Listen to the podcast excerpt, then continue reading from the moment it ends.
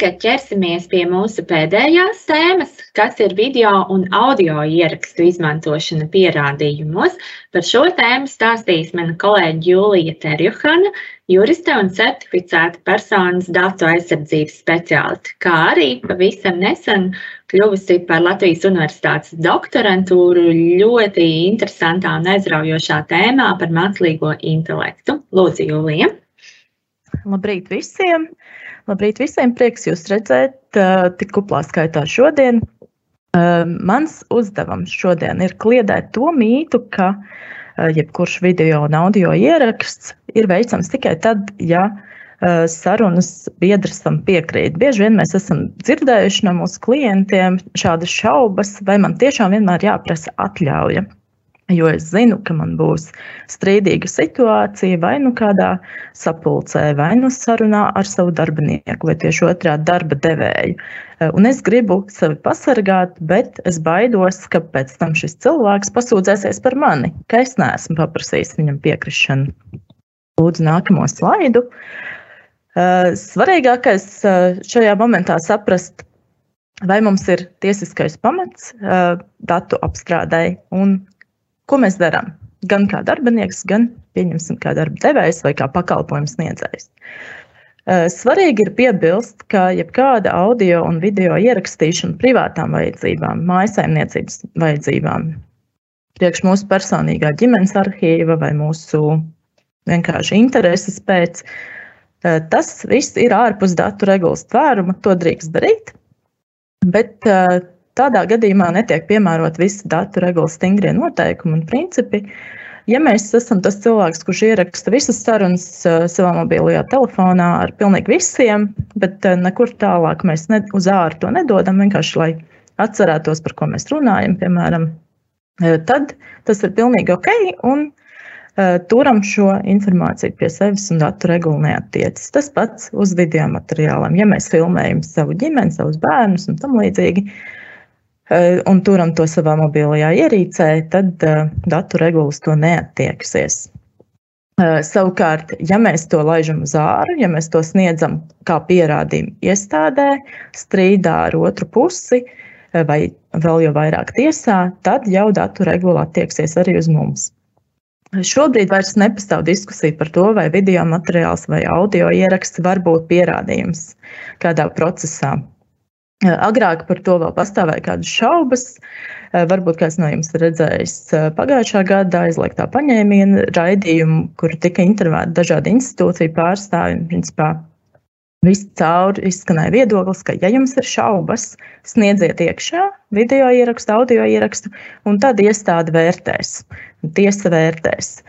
Vai tas būs attiecināms un pieļaujams pierādījums, šie ir divi kriteriji, kas jāpatur prātā un katram no šiem vērtētājiem jāņem vērā.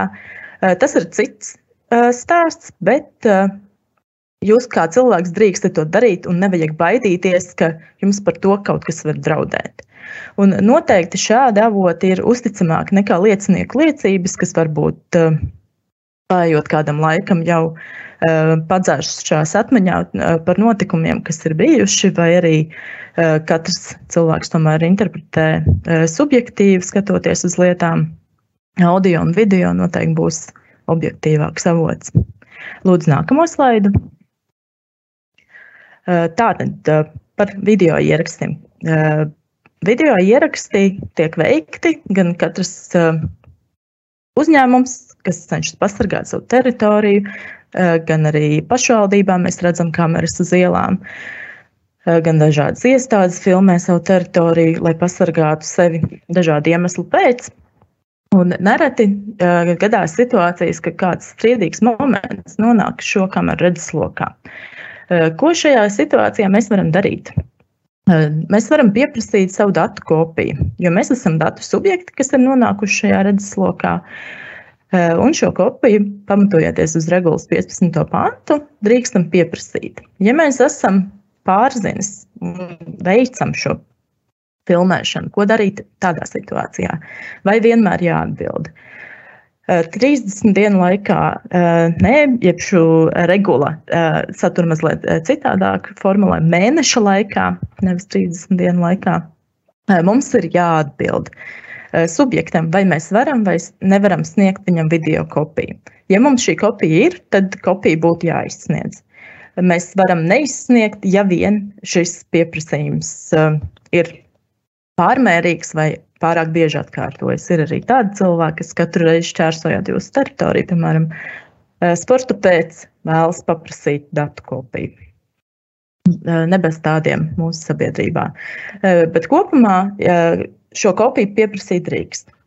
Ir svarīgi paturēt prātā, ka attiecībā uz video novērošanu Datos inspekcija jau pirms vairākiem gadiem izdevusi vadlīnijas, ka šos datus vajadzētu glabāt ne ilgāk kā vienu mēnesi. Tas nozīmē, ka jums jārīkojas ātri, jo šis mēnesis varētu būt maksimālais termiņš.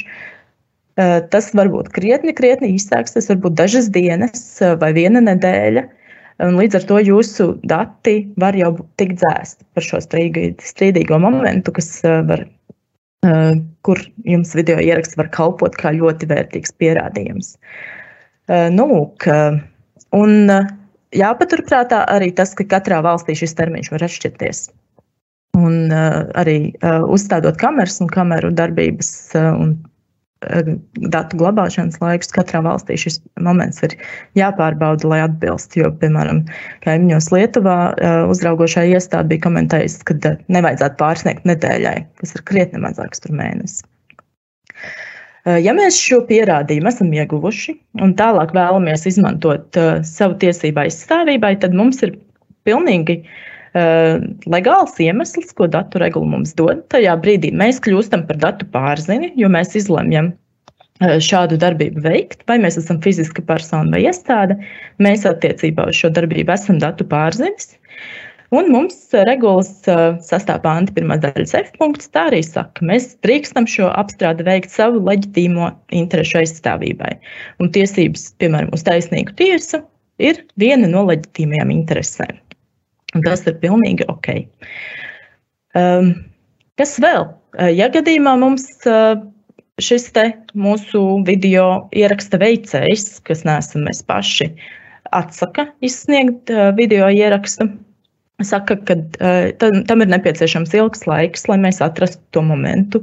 Piemēram, nedēļas griezumā, kur jums notika šis piemēram, strīds uz ielas, vai kautiņš, vai zādzība.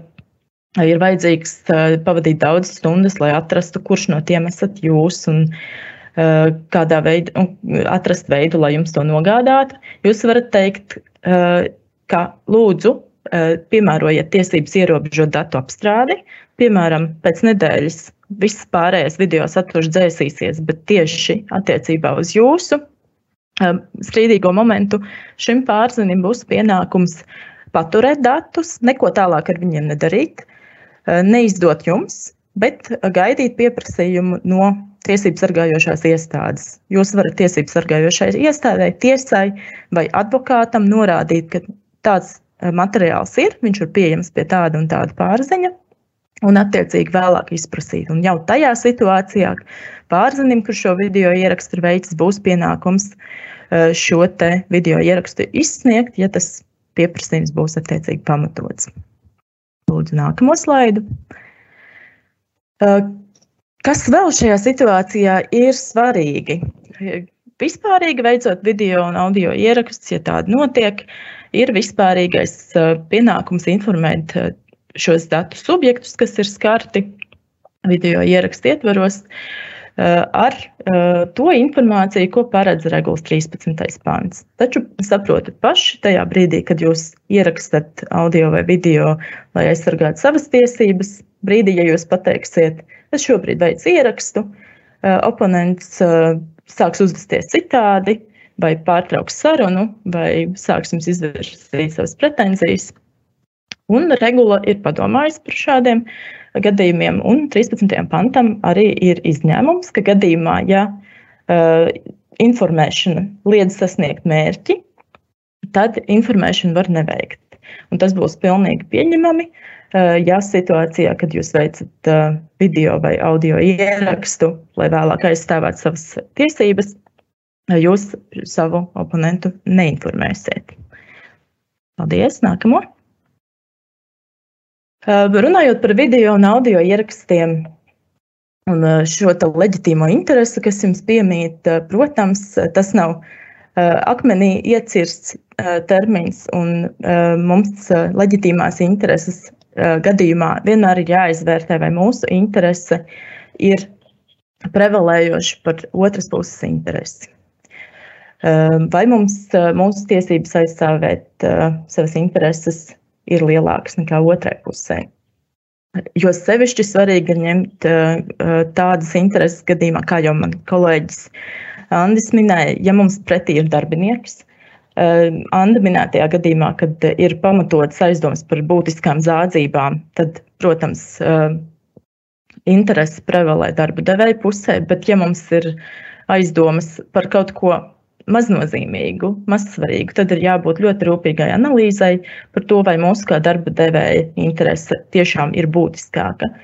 Eh, ja otrā pusē ir bērni vai personas, eh, kuras nevar pilnībā apzināties savu rīcību, tad arī šajā situācijā ir ļoti vērtīgi un ļoti nepieciešams izvērtēt, vai mūsu leģitīmā interese ir svarīgāka. Eh, izmantojot kameras kā tādas, ir ļoti būtisks kameras leņķis, kas ir redzams audio, video ierakstā. Ja mēs vēlamies izmantot kameras ar audio ierakstu, visbiežāk uh, ir jābūt ļoti precīzam pamatojumam, kāpēc tas ir nepieciešams. Tas vien, ka tirgū tās ir pieejamas, uh, nav iemesls mums tās izmantot, jo tā jau varētu būt pārāk liela iejaukšanās uh, cilvēku privātajā dzīvē.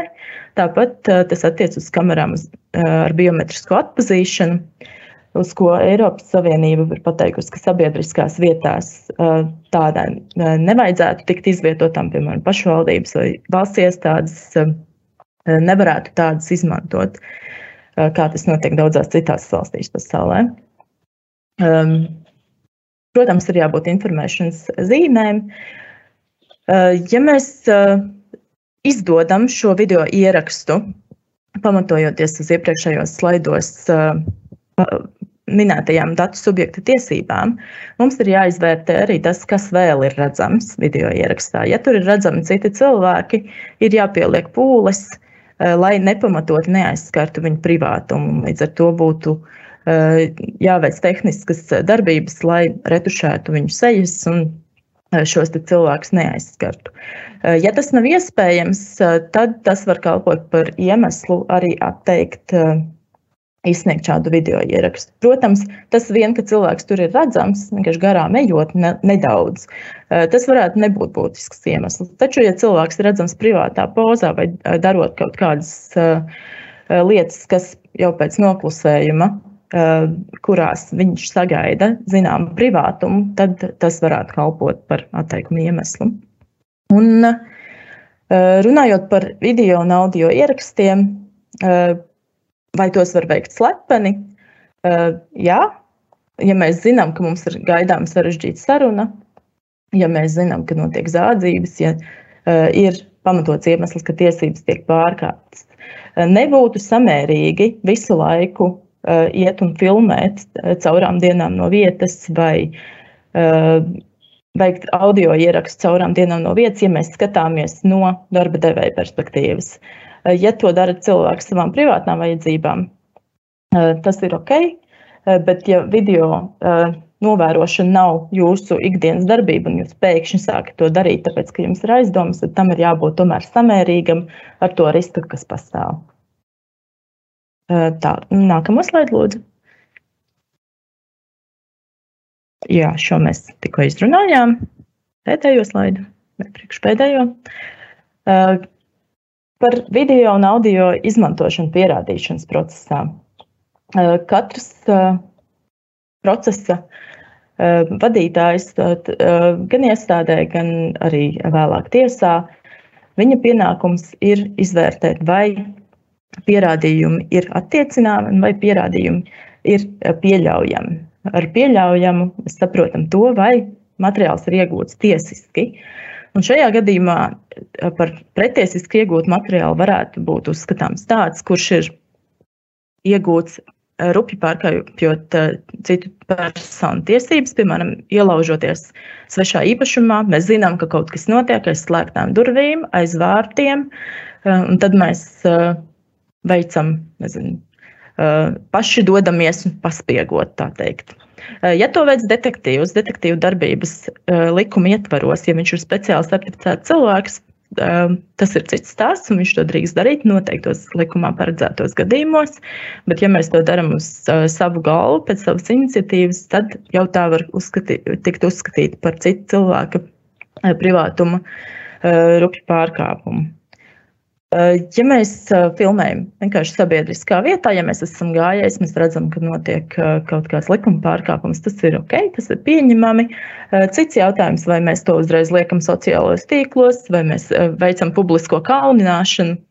No tā drīzāk vajadzētu atturēties. Ja mēs vispirms varam vērsties tiesības sargājošās iestādēs, tad, tad tas būtu īstais ceļš, kur, kur doties. Jo uh, Eh, arī tas, ja mēs sociālajos tīklos pārkāpjam citu cilvēku privātumu, un kur nu vēl ceļam neslavu vai uh, kaut kā aizskaram viņu uh, morāli, tad uh, tas jau var kalpot par pamatu tam cilvēkam vērsties vēlāk pret mums.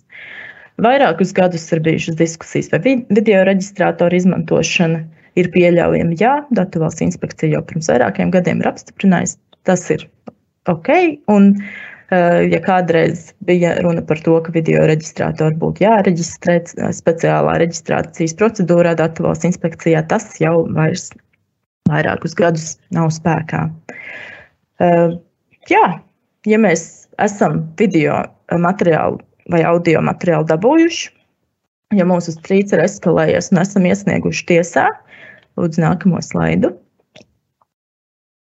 Tad mums ir svarīgi zināt, Eh, ka arī tiesā mēs varam uzņemt video un audio ierakstus.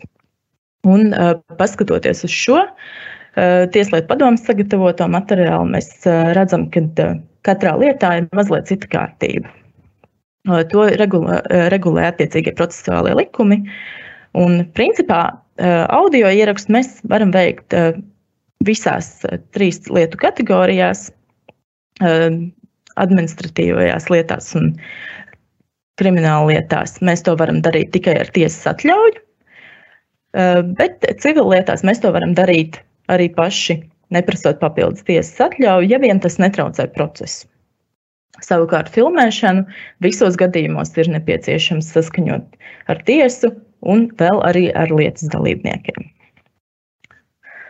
Nu, eh, tas arī būtu par audio un video ierakstiem šoreiz viss. Protams, mēs varam uh, par katru problēmu situāciju uh, diskutēt dažādās niansēs, jo tas uh, ir tāds ļoti plūstošs jēdziens, kā pareizi veikt video vai audio ierakstu. Bet, ja ir papildus jautājumi, lūdzu. Paldies, Jūlija. Jautājumi patiešām tev ir. To es arī uzreiz pajautāšu. Uh mhm. -huh. Vai ir jāatzīmē kamera, ja tā ir uz jaunbūves fasādes, bet vēl nav pieslēgta novērošanas sistēmām? Uh mhm. -huh. Tajā brīdī vēl uh, nekāda datu apstrāde nenotiek. Līdz ar to uh, kamera pati par sevi nav jāapzīmē. Ja jūs izmantojat arī butaforiju, vienkārši preventīvos nolūkos, un nekāda datu apstrāde nenotiek, tad uh, arī šis pienākums informēt neiestājas. Tāda būtu mhm. īsa atbilde. Paldies! Un saistīts jautājums, ja uzņēmums īrē telpas, kur jau izīrētājs ir, nu, iznomātājs droši vien ir domāts, uzstādījis video kameras, kurš tad būs datu pārzinis? Aha. Uh, nu, tas būtu, to, par to būtu labi eh, vienoties jau ar šo te izīrētāju. Un, ja video ierakstam piekļūst tikai izīrētājs un nepiekļūstat jūs, uh, tad izīrētājs būs datu pārzinis. Un arī izīrētāja pienākums būtu izvietot šo informējošo plāksni un norādīt arī, kurš ir datu pārzinis un kāda uh, ir kontaktinformācija, kur kaut kādu jautājumu gadījumā vērsties.